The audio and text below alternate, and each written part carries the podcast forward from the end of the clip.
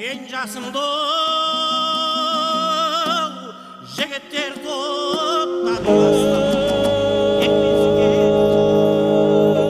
арқалы таудың шыңындай алқалы топтың туындай болған жыршы жыраулар жайлы білгіңіз келсе қошан мұстафаұлының інжу маржан хабарын тыңдаңыздар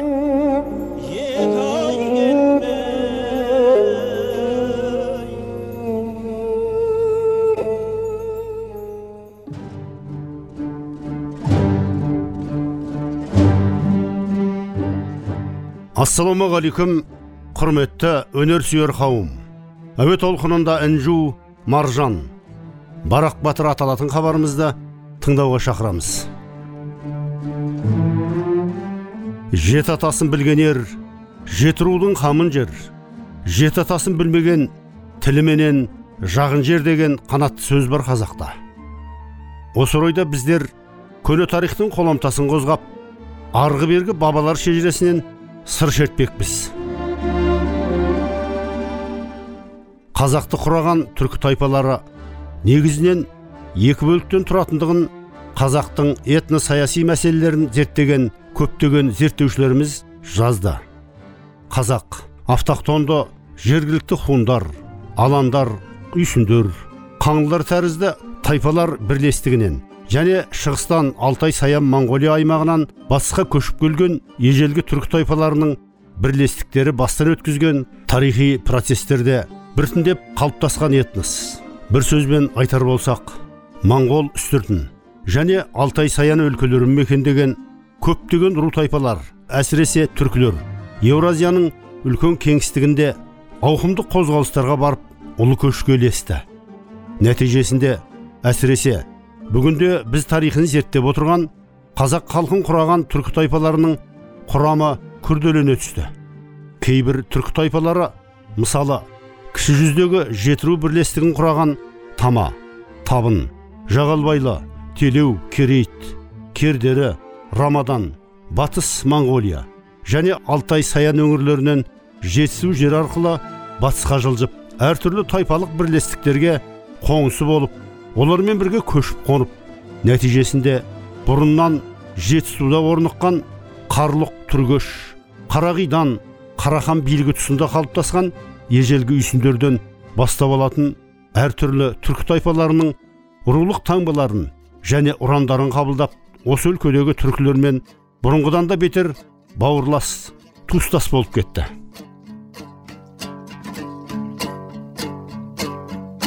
Әуелі сөйлетілім жаббарғақтан сөз шығар ойды болса тілмен жақтан аспан жер адам айуан түрлі шөбі көк теңіз таудан құлап дәрия аққан бітіріп алты күнде құдіретімен қалдырмай тәмамдаған бір сағаттан аспан жер жаралғалы есебі жоқ бүйгүл арғы жағы әлем сақтаны егаші күллі әлемнің паруардигар жаратқан адамзатты топырақтан. Неше жыл адам ата сурет болып жәннаттың есігінде бейнет тартқан.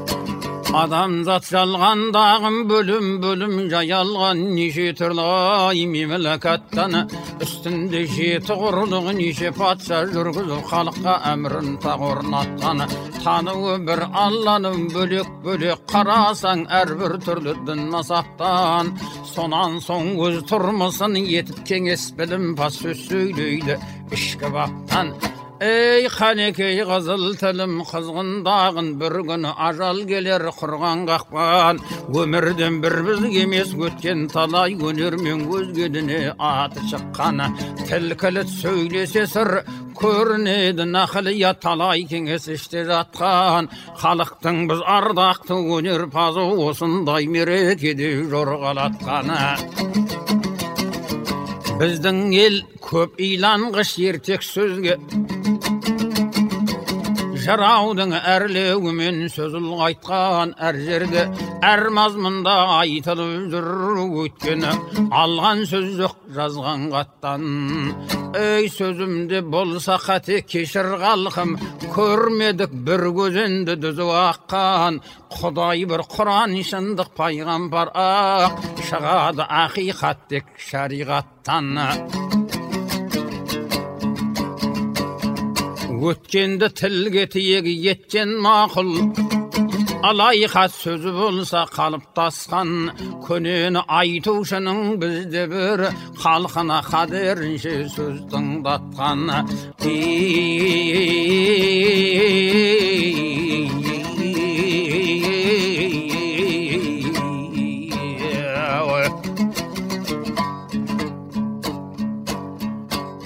ғасырда тоғызыншы өткен адам көп болым бізден бұрын кеткен заман шығыс азияның қытай қалмақ хамзане моңғол ноғай сирек қазақ айрылып стамбулдан ноғай халқым бөлініп бүліншілікпен бермен ауған пір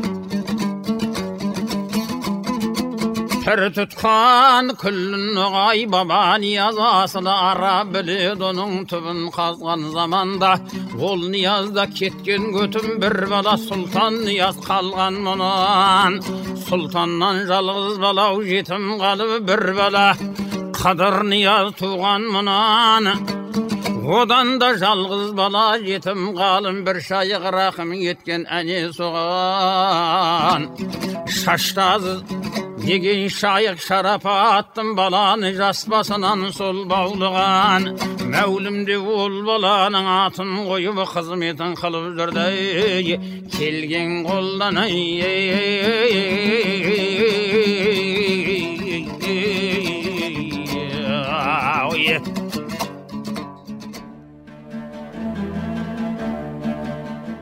құрметті тыңдаушы біздің хабарымыз табын барақ батырға арналғандықтан көне тарихқа көз жүгіртіп майқы би және 12 ғасыр соңындағы 13 ғасыр басындағы табын хандығы турасынан мәліметтер бере кеткенді жөн санап отырмын.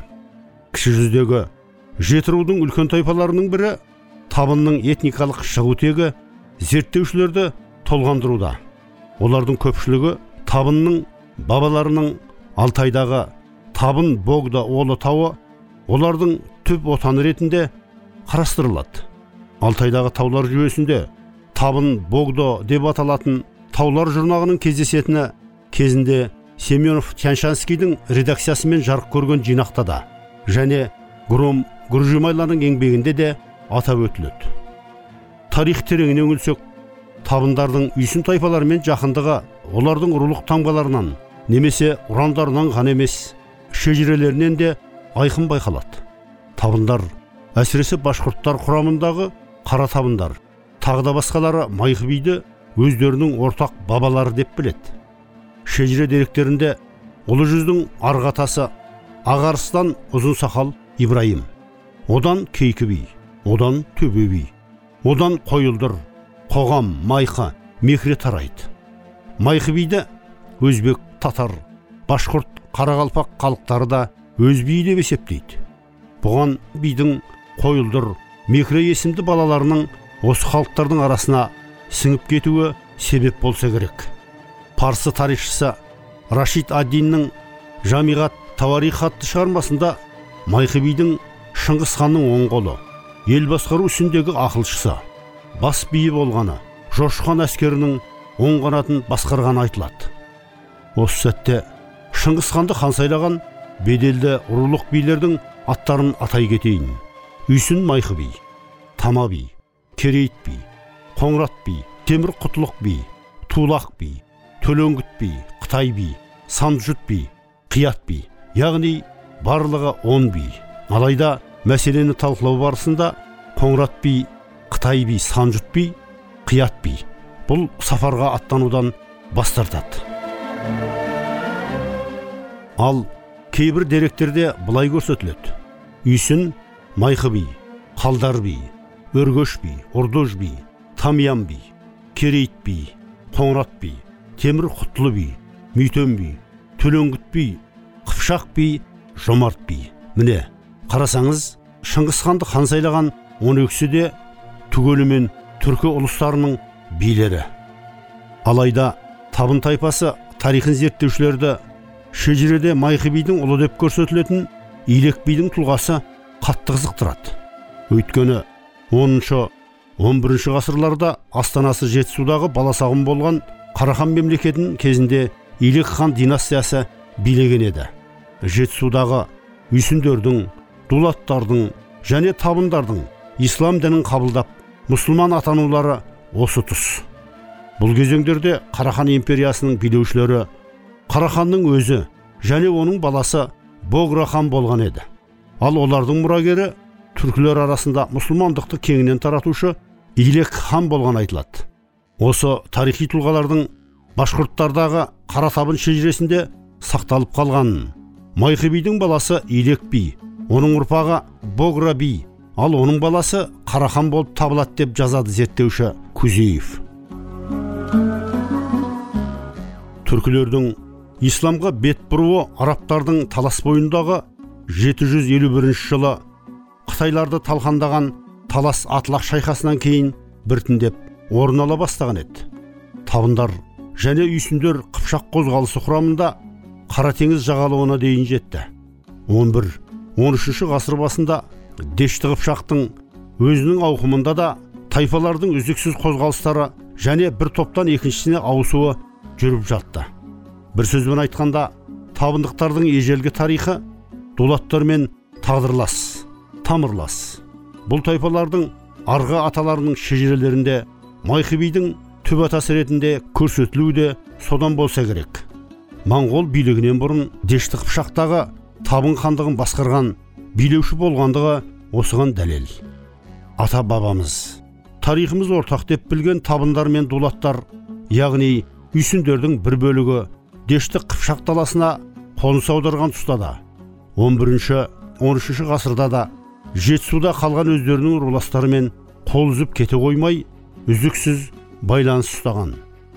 Күзеевтің болжам зерттеулеріне сүйенсек табындардың 12 ғасырға қарай дешті қыпшақ даласында өздерінің хандық құрғандығын аңғарамыз.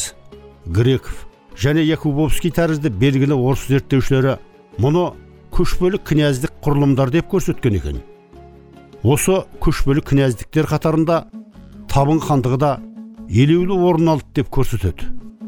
Табын хандығының өмір сүргені туралы ғылыми болжам айтатын кузеев табын хандығы қуатты болды және 17 тайпаны біріктірді. Үйсім майқы би алғаш қырымды және кубаньды басып алды. Ал онан соң шыңғыс ханның мақұлдауымен жайықтың жоғарғы жағынан ертіс өзеніне дейінгі елді биледі. 12 ғасыр соңында 13 ғасыр басында табындықтар өздерінің төңірегіне бірқатар тайпаларды бағындырып және біріктіріп дешті қыпшақ қойнауында тайпалық конфедерация құрды. Олардың басын біріктірушісі және көсемі майқы би болды деп жазады тарихшы. Ертеде екі дүние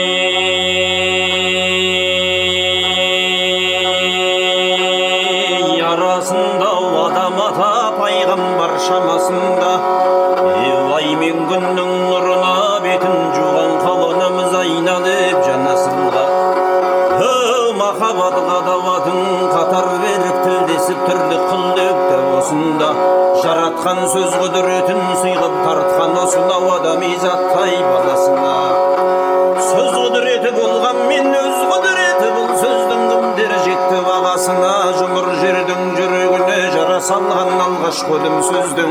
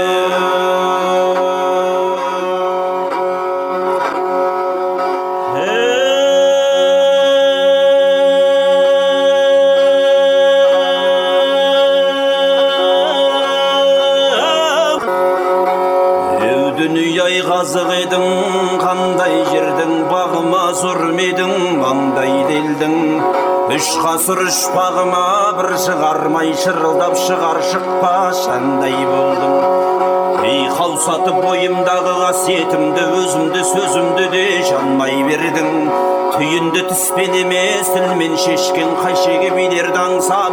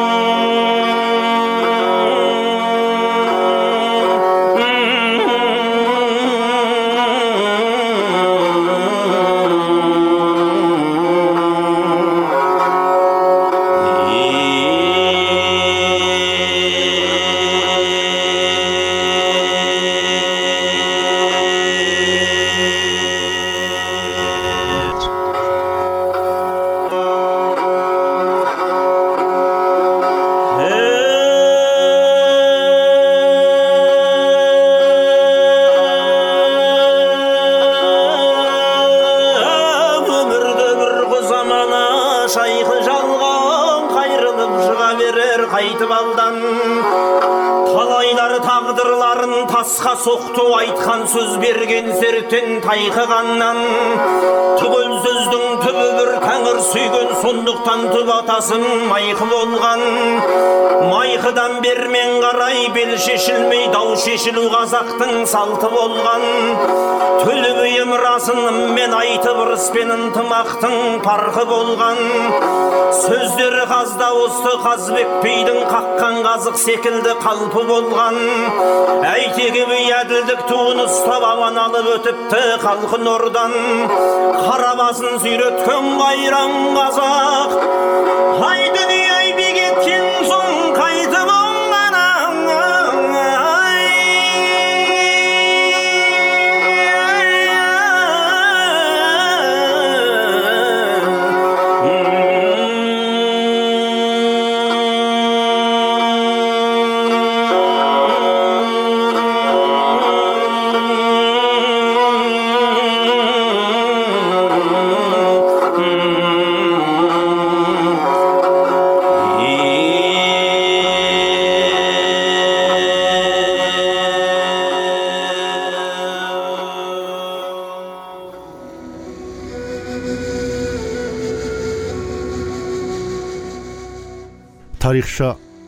гродиковте бар мәліметтер бойынша сырдария табындарының ұрандары серке және тостаған.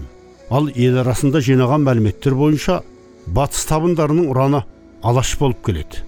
Табын тайпасының атауы кездесетін келесі шығыс дерегіне насаф намеи өзбек еңбегі жатады. Еңбектің қазақша атауы өзбек шежіресі. 16 ғасырдың екінші жартысы мен 17 ғасырдың басында жазылған бұл еңбекте өзбек тайпаларының шығуы. Екінші халиф әбу бәкір сыдықтың есімімен байланыстырылады. Деректе ибрахим пайғамбар мен әйелі бейбі сарадан тараған 92 жауынгердің мұхаммед пайғамбардың кәпірлермен жүргізген соғыстарында ерліктер жасап көзге түскендігі. Ол жауынгерлерге риза болған пайғамбар түркі менің қосыным деп айтқандығы баяндалады. Шежіреде өзбек тайпалары пайғамбардан мақтау алған 92 жігіттен тарқатылады да әрбір тайпа өз атынан 92 жігіттің есімін алған делінеді.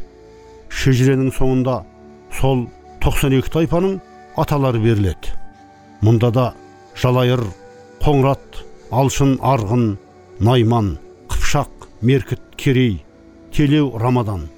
Кердері тайпаларымен қатар табын тайпасы да аталады. Құрметті тыңдарман осы орайда сіздерге тағы да бір үлкен дүниеден мағлұмат бергім келіп отыр. Ол атақты ақын сүйінбай аронұлының қырғыз ақыны қатағанмен айтысындағы баса айтқан сөздері. Мемлекеттік сыйлықтың лауреаты қазақстанның халық әртісі жырау сәбит оразбай ақсақалдың домбырасының шанағынан төгілген жырға құлақ түреміз. Бұдан да әрі кетейін көбі қалдау елім. Көбі қалса нетейін орал тауға бір қонып қиғаштап төмен өтейін бүркіттей түсі түксиіп бауырнап қызыр жайлаған мыңдап түйе байлаған мыңдап түйе айдаған. Қарсы келген дұшпанын ей қорады қойдай жайпаған ай.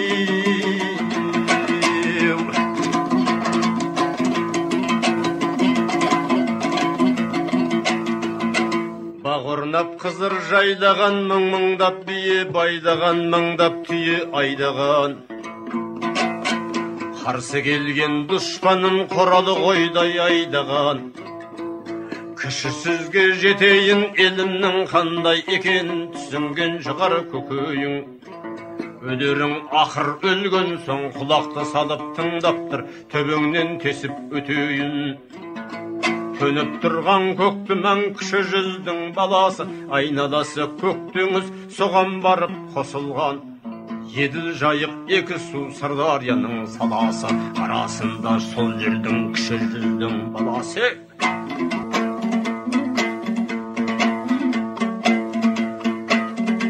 Құлақты салып тыңдап көр төбеңнен тесіп өтейін. Төніп тұрған көк тұман кіші жүздің баласы. Айналасы көк теңіз. Соған барып қосылған еділ жайық екі су сырдарияның саласы. Арасында сол жердің кіші жүздің баласы. Сұлтан сыйық бақ сыйық хан қызы екен анасы. Бәрі батыр баласы. Қанына кеуіп көрген жоқ найзасының сағасы он екі ата бай ұлы жеті атады жеті ру әлім менен шөмекей халқымның едеу жағасы. Одан арман шудейін соққан желдей гүлдейін кіші жүздің оу алшын менен жаппасым жаңа бұрдым ат басын.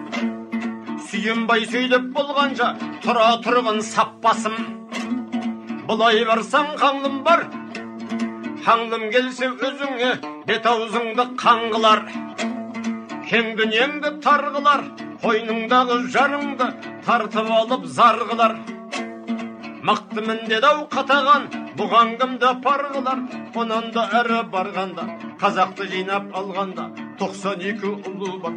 Қыпшағымды айтайын тоқсан баулы қоңыратты әңгіме қып сөйлесіп жүре алмассың жалғанда. Күнің қандай болады ноғайлыға барғанда? Ноғайлыға қосымша ай тағы бір жалғастамасы батыр болсаң кәнекей бетіме тура қарашы. Көппін дейді қатаған көңліңде жоқ қой санасы.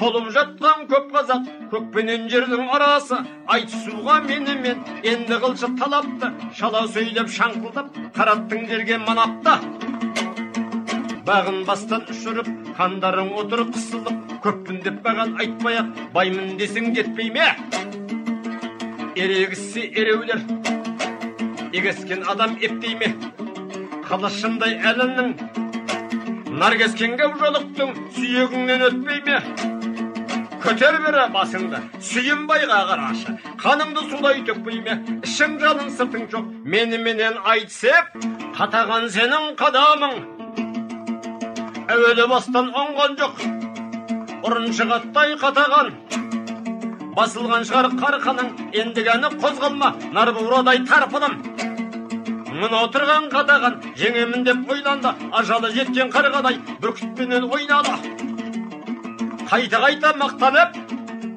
Бәйтіктің шенін қоймады. Несін мақтан қыласың ауға шыққан тазыға? Оған да қарғып байлайды.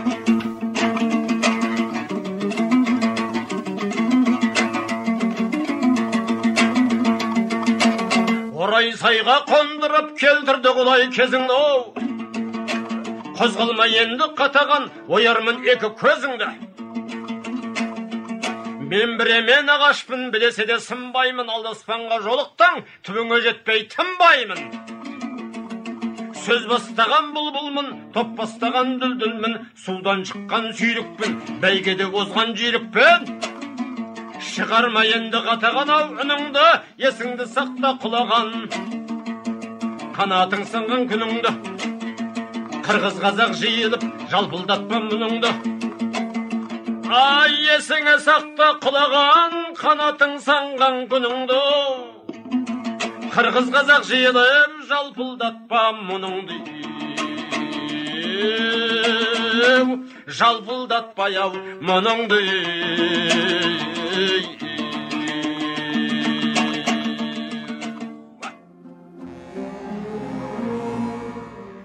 Арасында сол жердің кіші жүздің баласы.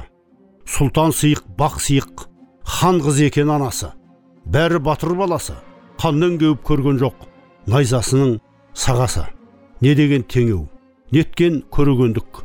Қандай жоғарғы баға десеңізші. Сүйінбай ақын осы сөзінде табын тайпасының бабаларының хандық құрғандығын мәлімдеп отыр.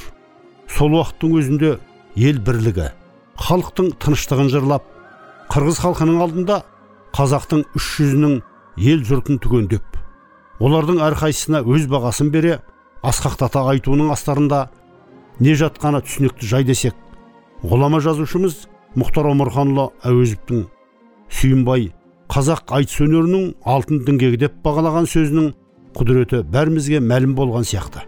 Әрине мұны да келешек ұрпақ білгені дұрыс деп есептеймін.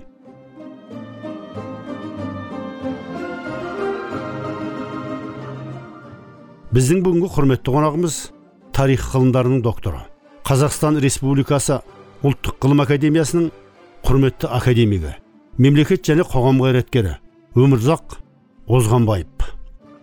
Өмірзақ аға өзіңізге белгілі менің қазақ радиосындағы інжу маржан хабарымның бірден бір құрметті қонағы ол өзіңізсіз. Өйткені қазақ тарихының перделі беттері өзіңізге аян. Қаншама архив мұрағаттарда сіздің қолтаңбаларыңыз жатыр. Табыннан шыққан барақ батыр хабарыма да қосар үлесіңіз үлкен болса керек деп ойлаймын. Еліміздің сан ғасырлық тарихында жүрек жұтқан батырлар ел бастаған көсемдер сөз бастаған шешендер от ауызды орақ тілді билер көп болды. Олардың барлығы қазақтың елдігі жолында бастарын бәйгеге тіккен жандар еді. Бүгін біз еңкі өңкеу жер шалып халқының қамы үшін жауына арыстандай ақырып айбат көрсеткен ерлердің бірі батыр бараққа және оның ұлы асау батыр туралы айтпақпыз. Бұл батырлардың дүниеге келуі де өзі қазақ ертедегі айтылған әңгімелерде сорабы мынаған ойысады. Сопы әзиз мүсірәлі осы балалардың дүниеге келуіне себепші болған дүниеге келуін алдын ала болжап айтқан екен. Ол кісі осы батырлардың бабаларына айтыпты бір аллаға сыйынып ел бастайтын сәркедей ұл берді қарқарадай қыз берді көш бастайтын аллаға разы бол деп бетін сипапты. Алла қосса келер жылдары балалы боларсың ұлдың атын сәрке қыздың атын қарқара атарсың алланың ризалығымен сәркеге бересің деп қолына жасыл туды ұстатыпты. Бұл батырлар туралы барақ батырдың әкесі сатыбалды туралы да жырда көп айтылады. Бір алланың құлымын мұхамбеттің үмбеті шын мұсылманның өзімін атамның атын айтайын сатып алды ұлымын шешемнің аты қарқара барақ болып туыппын деп дастан айтылады. Бұл дастанның авторы тілеумағамбет аманжол барақ батыр асау барақ атты дастанында осылай жыр қазақтың басына төнген қатер әр кезде де ірі ірі қатерлер төніп тұрған. Еділ қалмақтары ресей отаршылдарының жерімізді тартып алу мақсатында елімізді жаппай қырғынға ұшырату әрекеттеріне қарсы тосқауыл бола білген қазақтың ұлдарының бірі де осы барақ батыр жоңғар қалмақтары қазақ халқын ауыр шығындарға батырып қазақтың біраз жерін басып алды халық еліміздің шалғай жерлеріне шегінуге мәжбүр болды. Бірақ қазақ елі есін тез жиды. Ұлылық пен қаһармандық биігінен сергектікпен көрінді. Алапат соғыс өрті үстінде қазақ қосындары құйынша құйылып жатшерліктердің бақайшағына дейін қаруланған аждахадай ақырған сарбаздарымен тең дәрежеде қарсы тұрып шайқасқа түсті. Бұл қазақ ұландарының жалаңаш қолмен от көсейтін мәрттігінің жүрек жұтқан батырлығының айқын айғағы еді. Кіші жүз елінің басына төнген 1760-1761 жылдардағы қатерден құтқаруға барақ сатыбалдыұлының сол кездерде жиырманың үстіндегі ноян екен. Жаудың бас батыры алакөбек қазақ ләшкерлерін жекпе жекке шақырады.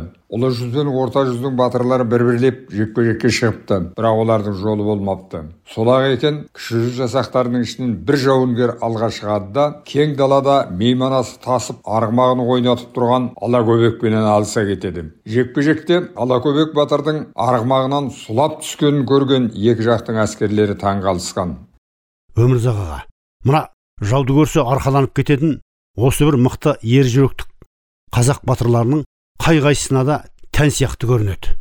Барақ батырдың тағы да қандай ерекше қасиеттерін айтар едіңіз.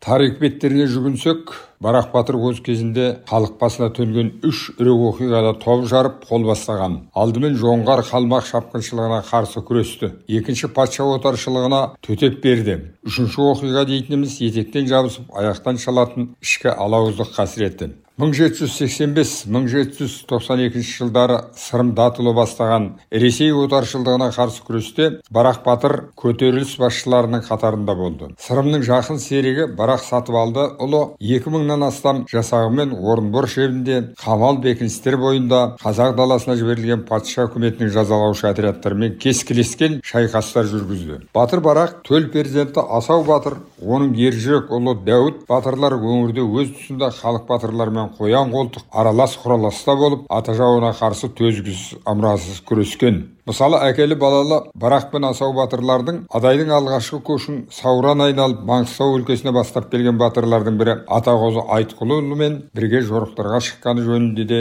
мәліметтер бар. Бірде көріпкелдігімен елге танылған бекет ата барақ батырға сенің батырлығың үшінші ұрпағыңа дейін жетеді деп болжам айтыпты. Расында да батырдың баласы асау да немересі дәуіт те елдің бетін жердің шетін бөгденің найзасына шалдырмай қызғыштай қорыған жауынгер ер жүрек батырлар болған. Жүйрік уақыт тоқтаусыз ілгері жылжуда елу жылда ел жаңа демекші қазақ халқы аңсаған арманы тәуелсіз ел болу мұратына қол жеткізді. Ұлы бабаларымыз нұсқаған жолдан адаспаған ауытқымаған. Бүгінгі замандастарымыз бекет ата барақ ата басқа да әулие ғұламалардың ұрпақтары егеменді еліміздің шартарапқа мәшһүр етті. Осы игі үрдіс құлашты қадам басқа да кең ауқымды қоғамдық шаралар ел бірлігіне леп қосары ақиқат.